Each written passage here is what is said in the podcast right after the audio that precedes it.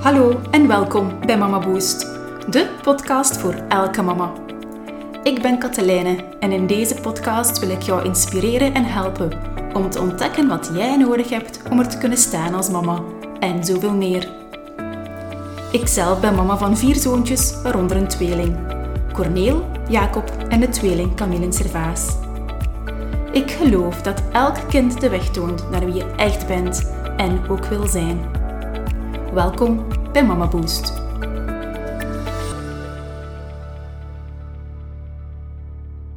Dag mama, welkom op aflevering 7 van de Mama Boost podcast. Ik ben Katelijne en nog even heel kort voor het geval je me toch nog niet zou kennen. Ik ben mama van vier zoontjes en met Mama Boost, mijn coachpraktijk, begeleid ik mama's om voor zichzelf te ontdekken wat ze nodig hebben om er te kunnen staan als mama en ook zoveel meer dan mama.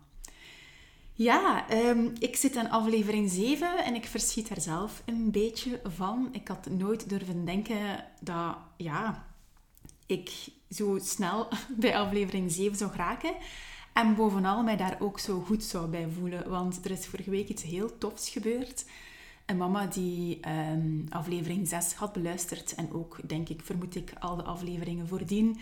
En ze had een berichtje voor mij ingesproken. En je weet het, hè, op het einde van de aflevering vraag ik altijd van alsjeblieft deel eventjes wat je ervan vindt. Omdat dat mij helpt qua motivatie, maar ook omdat dat mij feedback geeft uiteraard over bepaalde thema's, in welke mate dat het jou helpt. En die mama zei zo super enthousiast, dat dat zo ingesproken over WhatsApp. Katelijne, jij bent gewoon gemaakt om podcasts te maken. Wat is dat toch? zo super, super enthousiast. En um, ja, dat was voor eerst heel, heel, heel fijn om dat te horen natuurlijk. Ik had dat ook niet echt gedacht. Um, helemaal niet. En dat brengt mij eigenlijk ook wel tot het thema van vandaag. Het thema van vandaag is namelijk perfectionisme. En perfectionisme, vriend of vijand. Um, daar gaat het ook wel over. Van, is dat nu eigenlijk heel goed? Of is dat eigenlijk helemaal niet goed en moet je daar iets mee doen? En toen ik in de grote vakantie zo het idee had om een podcastreeks te doen, dan moet ik toegeven dat dat ook wel al even in mijn gedachten zat. Niet eventjes, zelfs al heel lang. Maar dat ik toen ook altijd dacht van, ga, ik begin daar niet aan. Ik heb dat al een keer vernoemd, hè. Maar mijn mijn, ja, mijn perfectionisme stond daar ook voor in de weg. Omdat dat zoiets had van, ja, ik ga dat niet doen, want dan kan ik dat niet goed genoeg doen. En is misschien gewoon beter dat ik er niet aan begin. Ja. Uh, dus vandaar al komende tot dat vriend en vijand. Hè. Uh, jij luistert naar deze aflevering. Dat wil zeggen dat je dat een thema vindt die u wel ergens triggert. Hm? En dan is de vraag van voor jezelf nu van, ja, is dat eigenlijk mijn vriend, mijn perfectionisme, of is dat mijn vijand? Omdat ik heel lang voor mezelf heb gezegd van, ja, uh, het feit dat ik de dingen goed wil doen en perfect wil doen, er is daar toch eigenlijk helemaal niks mis mee. Het is zelfs zo, als uh, voor een job ga solliciteren, ik denk dat ik dat ooit nog zelfs op mijn cv gezet heb. Hè? Met een van mijn sterktepunten, dat is, dat is perfectionisme. Hm? Uh, maar je voelt wel zo al ergens dat dat waarschijnlijk toch niet zo positief is. Hè? Um, en dat is uiteraard waar deze aflevering over gaat en waar ik je ook een beetje in ga meenemen. Uh, ja. Nog iets bijkomend daarbij is dat op dit moment hier de kuisvrouw bezig is. Het is dinsdag voormiddag. Voor een keer is het niet in de vroege uurtjes op een zondagochtend. Ik heb dat een tijdje moeten doen om het gewoon werkbaar te maken in lockdown met de kindjes thuis en zo. Maar ik voel wel dat dat, um, dat was eigenlijk fantastisch om te doen, maar dat vergde ook heel veel energie van mij. Dus ik voelde dat ik moer en moer werd. Dus ik heb die even die strategie toch links laten liggen. En bij deze is het nu toch wel weer klaarlichte dag. Maar is een kuisvrouw hier en kan het dus ook zijn, boven mij, uh, als er gestofzucht wordt, dat je dat misschien wel hoort. En het interessante aan een kuisvrouw is ook... Um, een vraag voor jou. Hè? Heb jij een kuisvrouw? Hm? Laat jij die hulp toe? Want het is zelfs zo, veel mama's die hier op coaching komen, dat er voor een of andere reden altijd wel een actie is van ik neem een kuisvrouw. Eh, want ik heb er geen, waarom, ook al wil dat eigenlijk wel, maar waarom niet? Omdat je zoiets hebt van ja, dan wordt het niet goed genoeg gedaan. Of dan doe ze zaken waar ik het niet eens mee ben. Uh, dan zie ik dit en dan, uh, dan, dan, dan, voel ik dat van binnen borrelen, want dan is dat niet op een manier gedaan zoals ik dat zou doen. En ja, waar heeft dat mee te maken? Ja, uiteraard ook met dat beestje perfectionisme. Hè? Ah ja, het zal wel zijn. Dus, uh, dus zie, dat kan je ook tegenhouden om gewoon al een kruisvrouw in huis te nemen en te zorgen dat je hulp hebt en ook op die manier op dat moment andere dingen te kunnen doen. Zoals ik nu hè, een podcastaflevering kan inspreken. Goed, dus um, ja, perfectionisme. Hoe komt dat nu eigenlijk dat ik daar zo hard mee bezig ben? Want al een tijdje geleden ook, zelfs in het voorjaar, heb ik daar zelfs een webinar over gegeven. Um, dat is omdat ik mama's ben beginnen, beginnen begeleiden echt fulltime twee jaar geleden, hè, toen mijn mama moest gestart. En heel vaak kwam daar ook ter sprake dat een mama zei, ik heb last van perfectionisme. Dat is eigenlijk al heel mooi, hè, want die mama in kwestie had echt wel al door van, ik heb er last van omdat als jij zoiets zou denken van ja, eigenlijk is dat iets supergoeds, hè, want dat zorgt ervoor dat ik die dingen goed doe, dan zou het wel elke kunnen zijn dat je zeker ook last hebt en dat je last hebt van het perfectionisme, omdat dat net de mensen zijn die dat zo hard zeggen, diegenen zijn die het eigenlijk echt er ook wel tegenaan lopen. Dat is daar zo, zo, zo vreemd in. Maar die mama's allez, kaarten dat al aan en dan gingen wij daar ook wel mee aan de slag. Vooral op een manier van, oké, okay, weet ja, het komt ergens vanuit een, een kwaliteit, de dingen nauwkeurig willen doen, maar als je daarin doorslaat of er te veel in doorgaat, dan zijn de perfectionisme aan, aan de slag en dan ervaar je daar zelf last van, omdat je dan precies zo geen keuze meer hebt. Hè. Um, maar ervaren ook de mensen rondom u daar last van. Hm. En dan is de strategie om dat een beetje los te laten. Dat was dan zo de strategie en het linkspuntje, laat het maar los. Maar ja, dat gaat niet. Nee, dat ging niet. Ik zag ook wel dat dat niet lukte. Zelfs ook bij mijzelf dat dat niet altijd lukte. Dus ik liep daarop vast. En ik had zoiets van, ik wil die mama's, bijna 99% van de mama's die er binnenstappen, kaarten dat aan. Ik wil daar meer mee kunnen doen. Ik wil als coach daarin groeien om daar meer mee te kunnen doen en de mama's beter te kunnen helpen. En net op dat moment ehm, organiseerde het loopbaancentrum Sparkle, waar ik aan gelinkt ben, want ik geef ook loopbaancoaching voor mama's. Um, organiseerde zij net in-house een opleiding tot perfectionisme coach die uitging van Marcel Hendricks. Um, Marcel Hendricks is wel een befaamde bekende heer in, in, in België, omdat hij het boek heeft geschreven Zeg me dat ik oké ben is misschien een boek dat je al dan niet kent. Uh, zo niet heel interessant om te gaan lezen. En uh, ik dacht van ja, ik moet hier op die trein springen. Hè. Ik ga die opleiding doen. Ook al was op dat moment van amai, dat gaat een intense zijn. Want dat was echt wel heel veel, ja, dat waren negen dagen of zo. Uh, over een redelijk korte termijn. Um, helemaal niet evident. Nee. Maar ik zeg, ik ga ervoor. En dat heeft echt alles in de hang gestoken wat dat maakt dat ik hier op vandaag ook deze podcastaflevering voor jou inspreek. Omdat dat een is die echt mijn leven toch wel weer opnieuw een beetje veranderd heeft. Het heeft ervoor gezorgd dat ik op dit moment anders in het leven sta dan voordien. En toch wel weer een stukje beter. Ik ben gegroeid. Eh, het is allemaal veel makkelijker. Ik voel mij bevrijd. Ja. Dus die opleiding heeft mij ten eerste ja, het mij als coach hè, de, mijn competenties gegeven om anderen daarmee te helpen. En terzelfde tijd ben ik eigenlijk tijdens ehm, die maanden ook zelf op coaching gegaan, in begeleiding gegaan bij Marcel. Dus hij heeft mij gecoacht op het vlak van perfectionisme. Ja. Goed, waarom is dat allemaal zo belangrijk? Dat is omdat um, perfectionisme is iets waar je enorm, enorm last kan van hebben. En in de volksmond wordt dat gezien als de dingen goed doen. Maar daar gaat het eigenlijk niet over, want dat is ergens een symptoom van perfectionisme. Perfectionisme, de definitie, is eigenlijk uh, bevestigingsdrang. Het is een soort van patroon die in u aanwezig is, wat dat ervoor zorgt dat je eigenlijk constant op zoek bent naar bevestiging, omdat je jezelf ergens niet oké vindt. Het is een patroon dat je, je denken, je, je voelen, je, je, je doen beïnvloedt op een manier dat eigenlijk niet goed is, omdat dat u ziek maakt. Um, en mijn ziek maken is, je ervaart daar gewoon enorm last van. En welk soort last is dat dan waarschijnlijk? Hè? Dat u u afvraagt van oké, wat, wat lasten zijn dat dan? En uh, Marcel heeft dat tot tien verschillende zaken, um, ja, ik ga niet zeggen gereduceerd, maar dat is heel duidelijk. Dat zijn eigenlijk tien symptomen die daaruit ontstaan, omdat er iets in u zit dat je stuurt, waar dat jij bij je bewustzijn eigenlijk niet nee kunt tegen zeggen. Hm? En het voorbeeldje van de vaatafwasmachine, dat is altijd een heel mooi voorbeeldje. Dat is het feit van de vaatafwasmachine wordt op een bepaalde manier gevuld. Hm? Bijvoorbeeld, ik heb dat ook, of ik had dat, ik zal het zo zeggen, dat, dat, dat ik zo de glazen links zette en de tasjes daar dan zo bovenop en dat moest rechts. En mijn man trekt hem er allemaal niks van aan, dus die zet dat waar, waar dat hij maar een plaatsje vindt. En dat ik dan achter zijn rug dat dan opnieuw begon te herschikken naar hoe dat ik dat eigenlijk wou. Hm? Maar ergens wil ik dat niet. Dat is een extra handeling. Dat heeft zelfs misschien ook geen nut. Ook al kan er misschien dan wel meer in. Maar oké, goed, gaat daar niemand bij neervallen als dat dan niet helemaal oké is.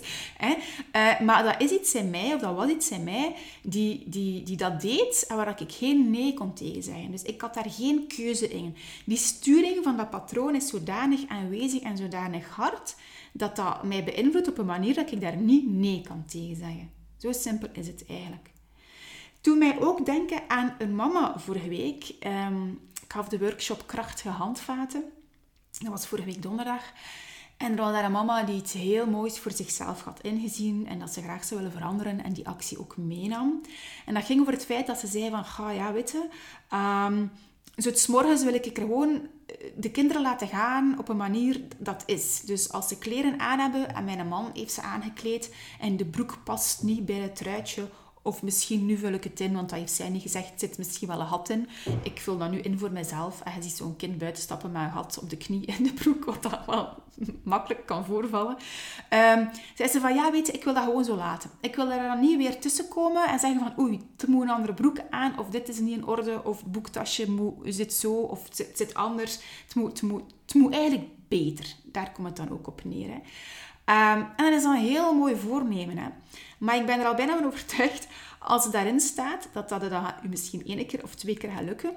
Maar dat dat dan weer vervalt in dat patroon, omdat die sturing zo hard is vanuit je onderbewustzijn, dat je daar eigenlijk bijna niet kunt tegenin aan. Ook al wilde dat loslaten, hè, dan gaat echt over loslaten eigenlijk, dat lukt niet. Dat is zo hard aanwezig en je ervaart daar last van, want je verliest daar tijd mee.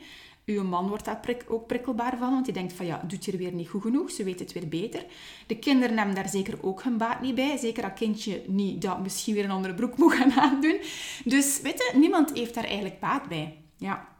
Ehm, dus het gaat over dat iets wat dat maakt dat je daar eigenlijk geen keuze in hebt. Ja. En um, die sturing is zodanig hard dat dat uw denken beïnvloedt, uw doen en uw zijn beïnvloedt. Hm? En ik ga nu even Ik, ik zat zo'n beetje voor mezelf van, ik ga die podcast doen, maar hoe ga ik dat doen? Ga ik dan eigenlijk al die symptomen stuk bij stuk bij stuk aflopen? Uh, maar ik kan bijna niet anders dan dat te doen, maar ik ga dat wel zo kort mogelijk doen. Hè. Als u iets hebt van ik wil daar meer van, dan heb ik um, daar eigenlijk een hele specifieke vragenlijst voor die symptomen eigenlijk allemaal aankaart, maar ook voorbeeldjes waar je je eigen zo eigenlijk een beetje op kunt gaan raten. Dat je zelf een score geeft daarbij, hè, welke mate dat je er last van hebt. Dat dat zegt van, ah, ik wil dat echt een keer ontvangen en geef mij dan een keer, ik ben er wel geïnteresseerd, dan stuur je mij hierachter gewoon een mailtje of een berichtje op katelijne.mamaboes.be en dan bezorg ik jou deze vragenlijst. Ja. En het boek van Marcel is natuurlijk ook uh, een hele goede daarvoor. Hè. Ja, uh, dus... Goed, het eerste is het eerste symptoom waar je last van kunt ervaren. Dus als ik ze doorloop, bekijk dan even voor jezelf van, is dat voor mij op van toepassing of niet? Hm? Um, dat gaat over het feit dat die bevestigingsdrang echt wel centraal staat en ook in relaties naar anderen toe. Dat wil zeggen dat jij bijvoorbeeld je heel gemakkelijk wegcijfert, dat je heel veel zaken voor anderen doet. Dat heeft dan met pleasen te maken. Um, als je niet voldoende iets doet voor anderen, zit ze met schuldgevoelens. Je laat heel gemakkelijk over je grenzen gaan.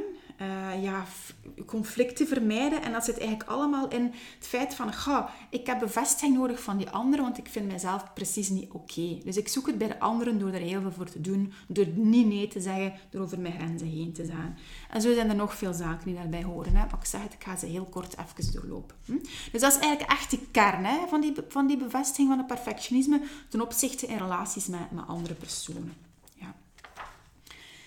Ten tweede ga over die hele hoge kwaliteitseisen voor jezelf. Dat is echt van, als ik iets doe, dan moet dat gewoon perfect gebeuren. Dat moet tot in de puntjes goed zijn, want dat maakt dat je daar ontzettend veel tijd en energie in steekt.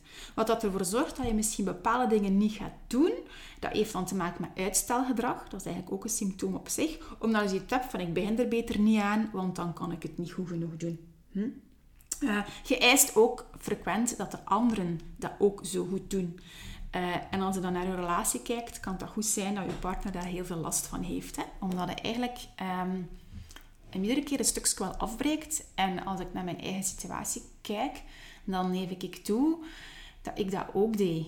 Um, dus mijn man, eender wat, wat dat hij deed, van eten koken tot um, ja, inderdaad kleren aan bij de kinderen, uh, de keuken opruimen, het papier zelfs buiten zetten, de manier waarop dat het papier buiten zet, hè, vastbinden of in dozen steken. Zo dit allemaal, iedere keer had ik zoiets van, ja maar ja, doe dan een zo, of kun je dat zo niet doen, um, of zeg, kan dat niet anders, waarom ik, dat was vanuit het feit van dat ik het precies beter kon of beter wou. Die sturing zat in mij en ik wist dat hij daar heel veel last van had, maar ik kon daar niet aan doen. En iedere keer als ik mijn voornemens had van ik ga dat niet meer doen, dan lukte dat even. Maar iedere keer kwam dat weer terug, wat dat uiteraard heel lastig is voor hem. En op de duur was zegt hij, ja, doe het zelf, hè.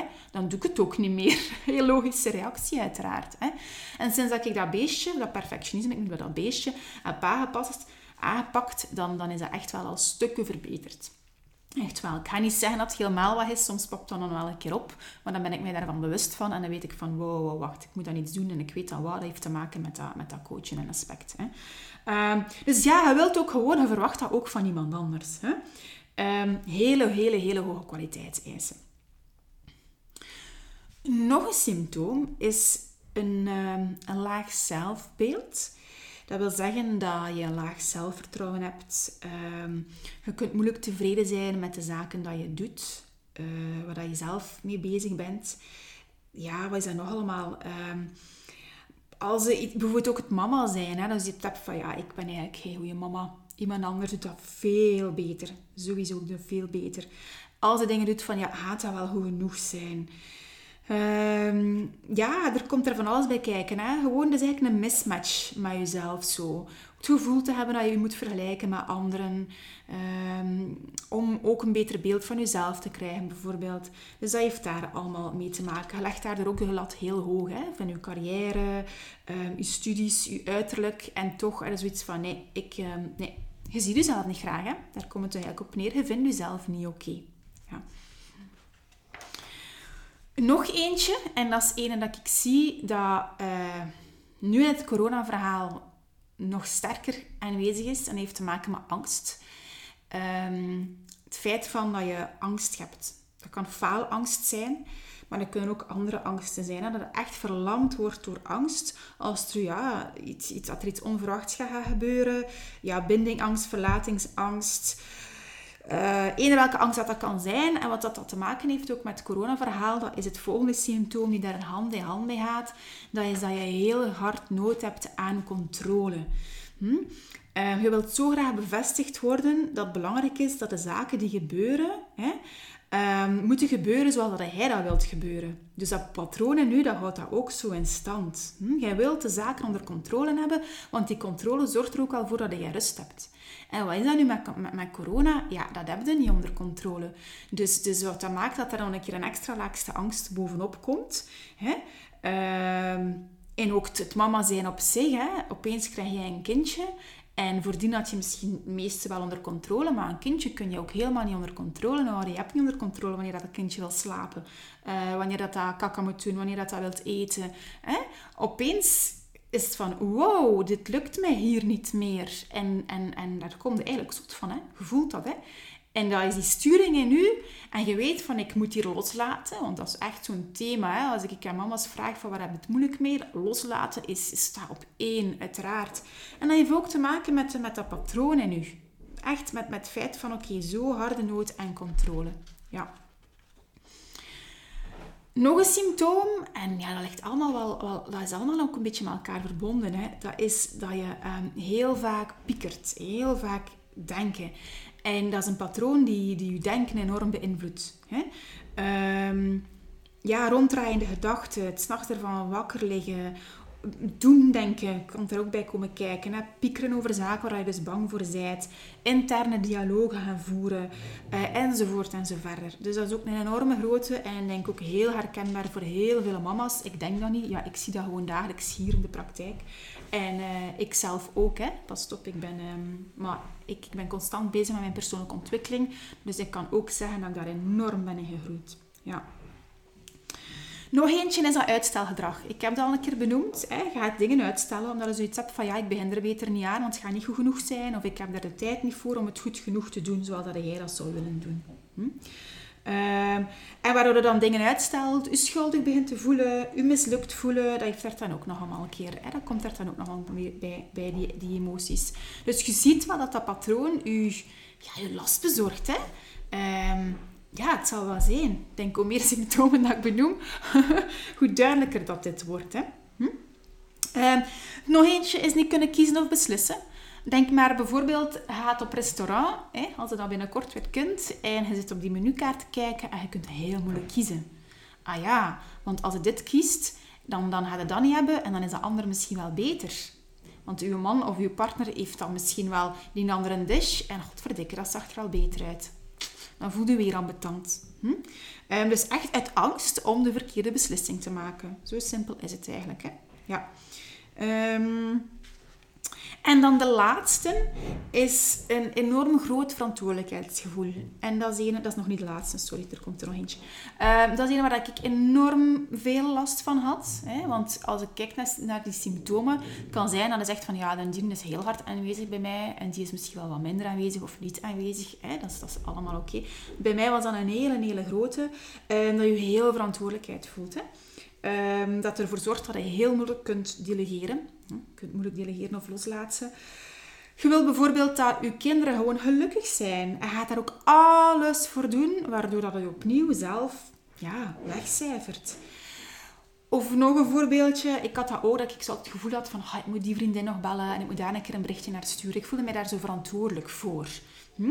Maar ik kon dat niet blijven doen, want je hebt daar niet, niet echt een tijd voor. Of, of, of, of je doet dat dan wel, maar op een bepaald tijdstip dat je er tijd voor maakt, dat bij je past. Maar als het zo constant ook in je hoofd zit, omwille van, dat, van, van die sturingen die zegt van ja, oh, oh, je moet dat berichtje sturen, want we ze niet anders ook niet van mij denken. Hè? Dat heeft dan weer met dat eerste symptoom van die bevestigingsdrang naar anderen toe te maken. Um, ja, dus, dus, dus dat is ook zo een. Hè?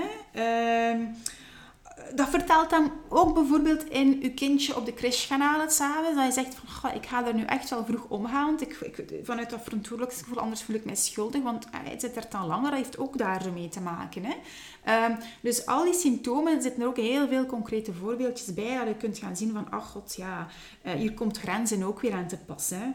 Uh, je respecteert je grenzen niet, om, om, omdat je al die verantwoordelijkheid neemt. Uh, als jij de persoon bent op je werk die alsmaar meer taken op zijn boterham krijgt, hè, omdat je de anderen wilt helpen, dat is opnieuw een symptoom van daarnet. Maar ook omwille van dat grote verantwoordelijkheidsgevoel dat je hebt, ja, dan, uh, dan, dan, dan dat is niet goed, hè, want op de duur hadden dat niet vol, uiteraard. Hm? En dat is de laatste, en dat is ene waar dat, ik denk, ja, de meeste scoren heel hoog op. Dat is doorgaan en nooit opgaan, opgeven. Effectief doorgaan totdat het erbij neervalt. Zo simpel is het. Uh, je blijft er maar voor gaan. Uh, je luistert ook echt niet naar de signalen van je lichaam. En je weet het, je weet het dat je moet stoppen. Je weet dat je in je zetel zou moeten gaan zitten. Je weet dat je moe bent, maar toch kunt je dat niet. Je blijft doorgaan. En dat was voor mij ook een hele grote. Dat was één in, bij mij mijn leven die erin geankerd zat. Maar alles wat ik ook qua persoonlijke ontwikkeling voor mezelf had gedaan, één dat ik niet opgelost, is een groot woord, maar echt waar, één dat ik niet opgelost kreeg. Um, en tot op vandaag blijft dat nog een uitdaging. Maar ik zeg het, ik ben in coaching gegaan en het heeft me echt bevrijd. En ik kan ook wel zeggen dat dat, dat, dat, dat orde is bij mij. Uh, maar dat is een die ervoor zorgt dat, dat mensen in burn-out ook gaan. Hè. Um, en, en ja, ik, heel, heel veel mama's, hè. ik zit hier dagelijks in de praktijk. Hè. Um, dat, is, dat is ongelooflijk in deze. Hè. Gewoon blijven gaan. Ja, zo simpel is het. Ja. Hm. Dus dat zijn al de verschillende symptomen. Ik heb ze hier nu een beetje afgerammeld.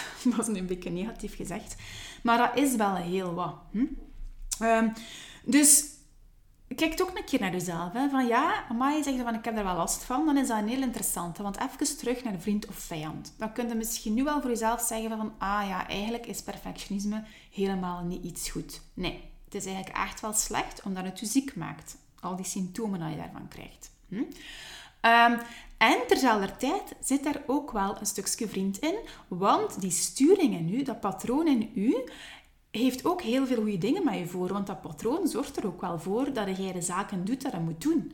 Dat je op je doelen afgaat. Dat jij uh, je job doet. Dat je misschien een huis hebt gekocht en verbouwd. Hè? Dat zorgt er wel voor dat je op de wereld staat. Maar het is een manier waarop dat die sturing momenteel gebeurt, dat niet klopt. Nee. En uh, je kunt dat vergelijken, ik, ik vergelijk dat altijd met een autootje op afstandsbediening. Je hebt een afstandsbediening en er staan daar twee knopjes aan. Hm? En vroeger was het effectief zo met, met nog een draadje naar die auto. Nu is het allemaal zo, eh, hoe noemt dat? Ja, niet, zo, allez, zonder draadje. maar het is wel, die, die auto wordt gestuurd door dat bakje. Hm? En je hebt dus een auto die rijdt. En um, dat knopje, er is één knopje op dat bakje dat heel hard is ingeduwd. En dat is eigenlijk die sturing van dat, van dat beestje perfectionisme in u. En die auto, dat zijn hij eigenlijk. Hè. Wat dat maakt vandaar dat die een auto rijdt. Het goede is, die knop is ingeduwd en die moet ingeduwd zijn, omdat het ervoor zorgt dat die een auto rijdt, want anders raakt hij nergens. Die heeft een bepaald doel. Hè. Die zorgt er ook voor dat er passagiers in en uitgeladen worden. Ja, die heeft echt wel zijn taak. Dat moet gebeuren. Die knop moet ingeduwd worden, anders gaat die een auto niet rijden. Maar vandaag, als jij zoiets hebt van, ja, maar al die symptomen, of heel veel van die symptomen herken ik, heel veel, ook al zijn het er maar een paar, dat is ook al goed genoeg, dat zorgt ervoor dat dat rijden in die auto vandaag niet aangenaam is. Dat die auto misschien veel te snel rijdt en af en toe uit een bocht vliegt. En het bochtvliegen, dat kunnen vergelijken met jij die, die weer in de, zetel zit en zegt van ik kan niet meer, haalt, ik ben op en dan toch maar weer doordoet. Hè? Um, een burn-out dat je misschien al gehad hebt of een die om de hoek ligt. Hm? Dus dat is helemaal geen fijne ervaring. Die auto is maar aan het chasen en, en, en botsen en aan het hotsen. En, en nee, doordat die knop zo hard wordt ingeduwd op een manier dat eigenlijk niet fijn is. Ja. Um, maar, en daar zit de sleutel in, er is nog een knop op die afstandsbediening. En die knop wordt momenteel niet ingeduwd. Maar als die knop ook wordt ingeduwd, dan helpt dat in een andere knop om in evenwicht te komen. En als die beide worden ingeduwd, dan zorgt dat ervoor dat die sturing verandert en dat die auto wel rijdt, maar een beetje meer zo het, het, cabrio voelt. Zo, hè. Hup, ruiten open, uh, genieten. Uh, er wordt op een doel afgegaan, maar er wordt af en toe gestopt. Er wordt bijgetankt. Eh, de ruiten worden een keer gewassen van de insecten hè, die er zo tegenaan plakken. Het oliepeil wordt ververst. Ehm, dat is zo die een andere knop die daarvoor moet zorgen. Die moet ervoor zorgen dat er plezier is, dat er, dat, dat, dat er kan genoten worden. En als die twee eigenlijk samenwerken en er ontstaat een evenwicht tussen het deel perfectionisme, dat is in een ene knop, die heel hard is ingedrukt, en dat andere deel, dat is eigenlijk het deel wat wij vrije kind noemen. Maar moet u daar nu niet te veel vragen over bij stellen, maar dat is een andere knop die nodig is. Iets dat ook in u zit, dat vrije kind, ervoor zorgt dat eigenlijk die sturing wordt, ja, anders wordt gemaakt. Dat patroon wordt herschreven, zodanig dat jij een zalig, zalige rit kunt maken in heel je leven heen. Ja, daar gaat het om. Zodanig dat hij heel bewust keuzes kunt maken. Als ze wil doorgaan op een bepaald moment, ga het doorgaan. Zoals dat ik vanmorgen heb beslist van ik voel dat ik moe ben, ja, maar ik wil wel mijn podcastaflevering doen. En dan ga ik even uh, gaan lopen of trek ik de natuur in. Hè? Dus ik maak die bewuste keuze. Vroeger het zijn, ik blijf doorgaan. Ik doe mijn podcast, ik ga nog mijn mails checken, ik ga dit nog doen. Dan heb ik nog een coaching sessie deze namiddag. Dan ga ik de kinderen gaan halen en tegen vanavond ben ik dood. En dan ga ik nog een keer doordoen, want dan moet mijn afwas gedaan zijn en moet opgeruimd zijn en bla bla bla. Dat is het feit wanneer dat die ene knop wordt ingeduwd en wanneer dat de andere knopje niet meewerkt. Maar ik, door wat ik gedaan heb met mijn met mijn begeleiding bij Marcel, werkte mij een andere knop nu ook. En is dat een heel ander verhaal. En is dat gewoon plezant en goed. En is dat ook gezond voor mij. Hè? Word ik niet ziek, ga ik niet uit een bocht vliegen. En is mijn rit echt wel aangenaam. Ja, daar kom op neer. Ik heb een keuze. En dat is het verschil. Je hebt een keuze erin. Ja, ehm, ik kies wanneer ik iets doe voor iemand anders. Ja? Ik kies wanneer ik doorga. Ik kies wanneer ik... Uh, ja, enfin, het komt daar eigenlijk op neer. Hè? Ja. Dus, wacht, even, even zien. Mijn concentratie uh, terugpakken waar ik was gebleven. Hè. Ja, ja, dan is uw volgende vraag... Ja, Katlijne, oké, uh, yes, confronterend. Hm? Ik heb dat wel allemaal en ik wil daar meer over horen. Dan, dan laat het mij weten uiteraard in een berichtje. Maar uw grootste vraag is natuurlijk... Ja, maar wat, hoe veranderde dat dan in godsnaam? Wat doe je daar dan aan? Hè? Je zei wel in coaching geweest, Katlijne, maar wat kan ik daar nu aan doen? Wel, ik zou je tips willen geven. Hè. Ik zou je tips willen kunnen geven over loslaten of wat dat dan ook is. Maar ik ga eer eerlijk zijn, ik ga dit hier niet doen om, omdat ik die tips niet heb, omdat ik heb geleerd dat die er niet zijn. Als het gaat over het perfectionisme en dat patroon in u, dan kun je dat niet gaan oplossen met, met tips of tricks. Nee, dat is onmogelijk. Ook al zou je dat graag willen horen, maar sorry, dan doe ik mijn job als coach niet goed. En dan ga ik nu ook zitten liegen tegen u. En dat, dat haal helemaal in tegen alles wat ik versta. Dus nee, um, wil je daar verandering in, dan, dan, dan kun je jezelf bevrijden. En dat is door effectief in, ja, in jezelf te investeren en daarvoor in coaching te gaan. Zo simpel is het eigenlijk. Ja. Um, het mooie van, van dat coachingverhaal is dat dat gewoon super leuk is om te doen. Uh, ja, het is, het is ik ga daar nu niet te veel uit de doeken doen. Dat is een hele specifieke, methodiek. En op zich doet dat er niet toe wat dat die methodiek is. Het gaat erom dat jij nu met dat patroon zit, last ervaart. En dat jij zegt van, ik wil het anders. En anders, dat wil zeggen dat jij gewoon bevrijd in het leven kunt staan. En um, je auto gewoon als een cabrio kunt laten rijden. Dat al die symptomen, dat jij daar geen last meer van hebt. Dat hij je niet meer ziek maakt. Hè? Dat jij kunt denken, doen, voelen en zijn op een manier dat gewoon fijn en aangenaam is daar gaat het over. En hoe dat die methodiek werkt, dat is zo sterk, dat is omdat dat met je onderbewustzijn aan de slag gaat. Dat gaat daarover. We gaan die twee delen, dat deel perfectionisme en dat deel vrij kind, leren kennen door je verbeelding aan te spreken. En dat maakt ook dat het eigenlijk ook heel leuk is om, om te gaan doen. Ehm, en ik ging daar nu nog iets bij zeggen, ben het kwijt even. Er was mij iets, iets ingeschoten. Ja, dat ook. Je kunt je ook de vraag stellen, maar waar komt dat nu eigenlijk? Hè? Ben ik daarmee geboren? Um, in 99,9% van de gevallen ben je daar niet mee geboren. Soms ontstaat dat al, al, al in de buik, maar meestal is dat niet het geval en ontstaat dat patroon op jonge leeftijd. Peuterklas, trouwens, Marcel heeft daar nog een boek over geschreven in verband met ontstaan. Um, Benauwd ontstaat in de, in, de, in de kleuterklas, denk je dat het noemt. Maar dat heeft daar ook mee te maken. Hè. Uh, vaak ontstaat het in uw kindertijd. En dat is ontstaan met een hele goede reden om je dan tegen iets te gaan beschermen. Hè? Door je iets te brengen wat dat maakt dat je, dat je dingen aan kunt. En dat kan zijn, ik ga voorbeeldjes geven, hè, met alle respect naar, naar iedereen. Hè? Elke ouder of, of wat dan ook, zelfs leerkrachten doen hun dingen om goed te doen. Maar bijvoorbeeld dat je het gevoel hebt als kind dat je, dat je meer je best moest doen. Dat bijvoorbeeld thuis komt met een rapport en dan zegt die punten, dat kan wel beter. Hè? Uh, zulke opmerkingen kunnen daar al toe leiden. Maar dan kunnen ook ja, het kan zijn dat je gepest geweest bent, dat je bepaald trauma hebt opgelopen in je kindertijd. En dus dat kunnen hele grote dingen zijn, maar dat kunnen ook gewoon kleine opmerkingen zijn van, van, van mensen die het net heel goed met je voor hebben, maar dat je door zo'n opmerking gewoon iets als kind hebt gehad van oei, ik ben precies niet oké zoals ik ben, dus ik moet beter mijn best doen. En dan is dat patroon ook aan boord gekomen om je daarbij te helpen. Hm? Maar over de jaren heen is die sturing beginnen evolueren op een manier waarop je er vandaag last van hebt. Ja. Dus ik dat wel nog even terzijde, terzijde zeggen. Dus die methodiek, dat ga ook niet gaan duiken van, van in detail van allee, waar komt dat nu allemaal vandaan. Dat wordt, wel even, dat wordt wel even kort aangekaart. Dat is ook nodig om dat deel perfectionisme ook een beetje als uw vriend te gaan zien. En daar komt het, een beetje het antwoord op waar ik mee begonnen ben. Hè. Is perfectionisme uw vriend of vijand? Hè? Um, ik heb je daar voor jezelf een beetje over laten nadenken. Maar ergens is het beide. Hè? Het, het, het, het, de patroon die nu aanwezig is op een manier dat je er last van hebt. Het is, het is, is een vijand, het is echt iets slechts. Maar tijd is dat een deel in u dat je nodig hebt. Dus is het ook wel echt wel een, een, vriend van u. Maar dat kun je pas echt gaan omarmen eh, als je daarmee bezig bent met die coaching en, en, en daarmee, daarmee aan de slag gaat. Ja. En eigenlijk wat er dan gebeurt, is dat we dat, dat deel, samen met dat deelvrije kind, dat, dat, kind, dat vrij, deelvrije kind zorgt ervoor dat je kunt genieten, zorgeloos bent, dat je helemaal oké voelt, dat er niet toe doet wat anderen denken van u, dat dat denken zelf ook helemaal niet aanwezig is, dat we dat delen nu.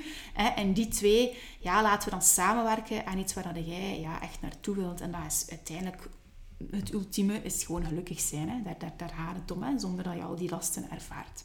Hm. Ja, dus voilà. Het is iets heel leuks om te doen. Ik als coach vind het ook heel fijn om te doen. Uh, echt waar.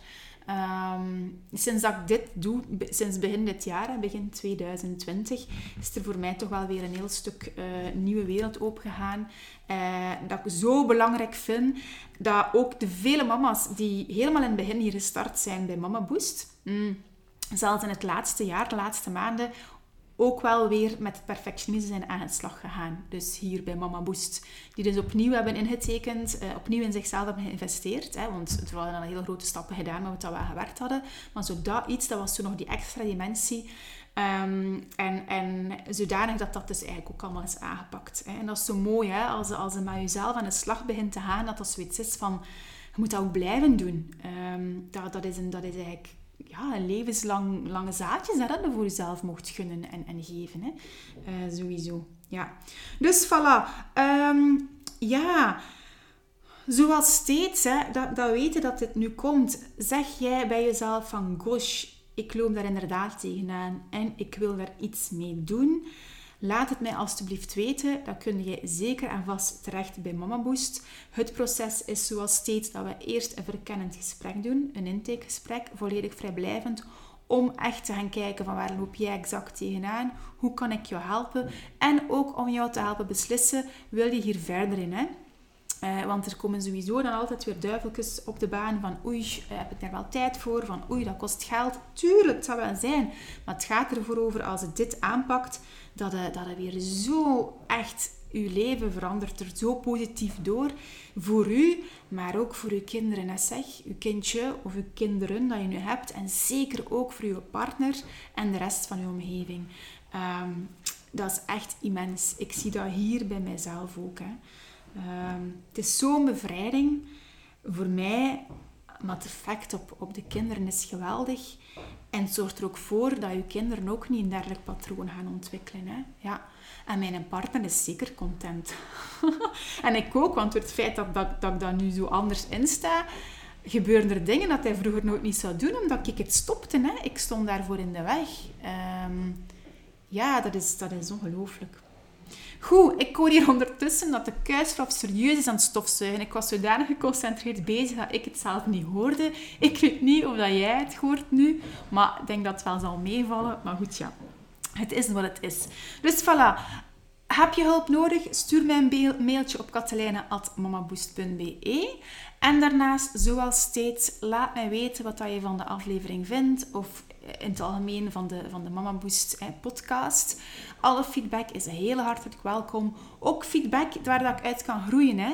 Uh, want diezelfde mama van in het begin waar ik over sprak, had mij zo bij mijn eerste en tweede aflevering ook laten weten dat ze het heel goed vond. Maar ze heeft toen ook nog feedback gegeven van ja, kleine, dat kan wel beter of dat is zo wel wat raar.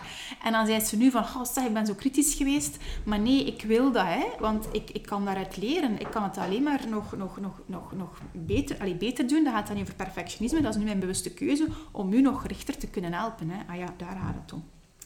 Dus voilà. En deel het ook alsjeblieft. Hè? En mama's in jouw omgeving, mama's waar je van denkt, ah, dat zou ook jou kunnen helpen. Um, post het op social media, tag mij erin, dat ik het ook zie. En dat is altijd heel fijn om te zien. Oké. Voilà. Merci om er weer te zijn vandaag. Ik ben er heel dankbaar voor, echt waar. En dan ja, kijk ik uit al naar de volgende aflevering. Tot de volgende keer. Dag.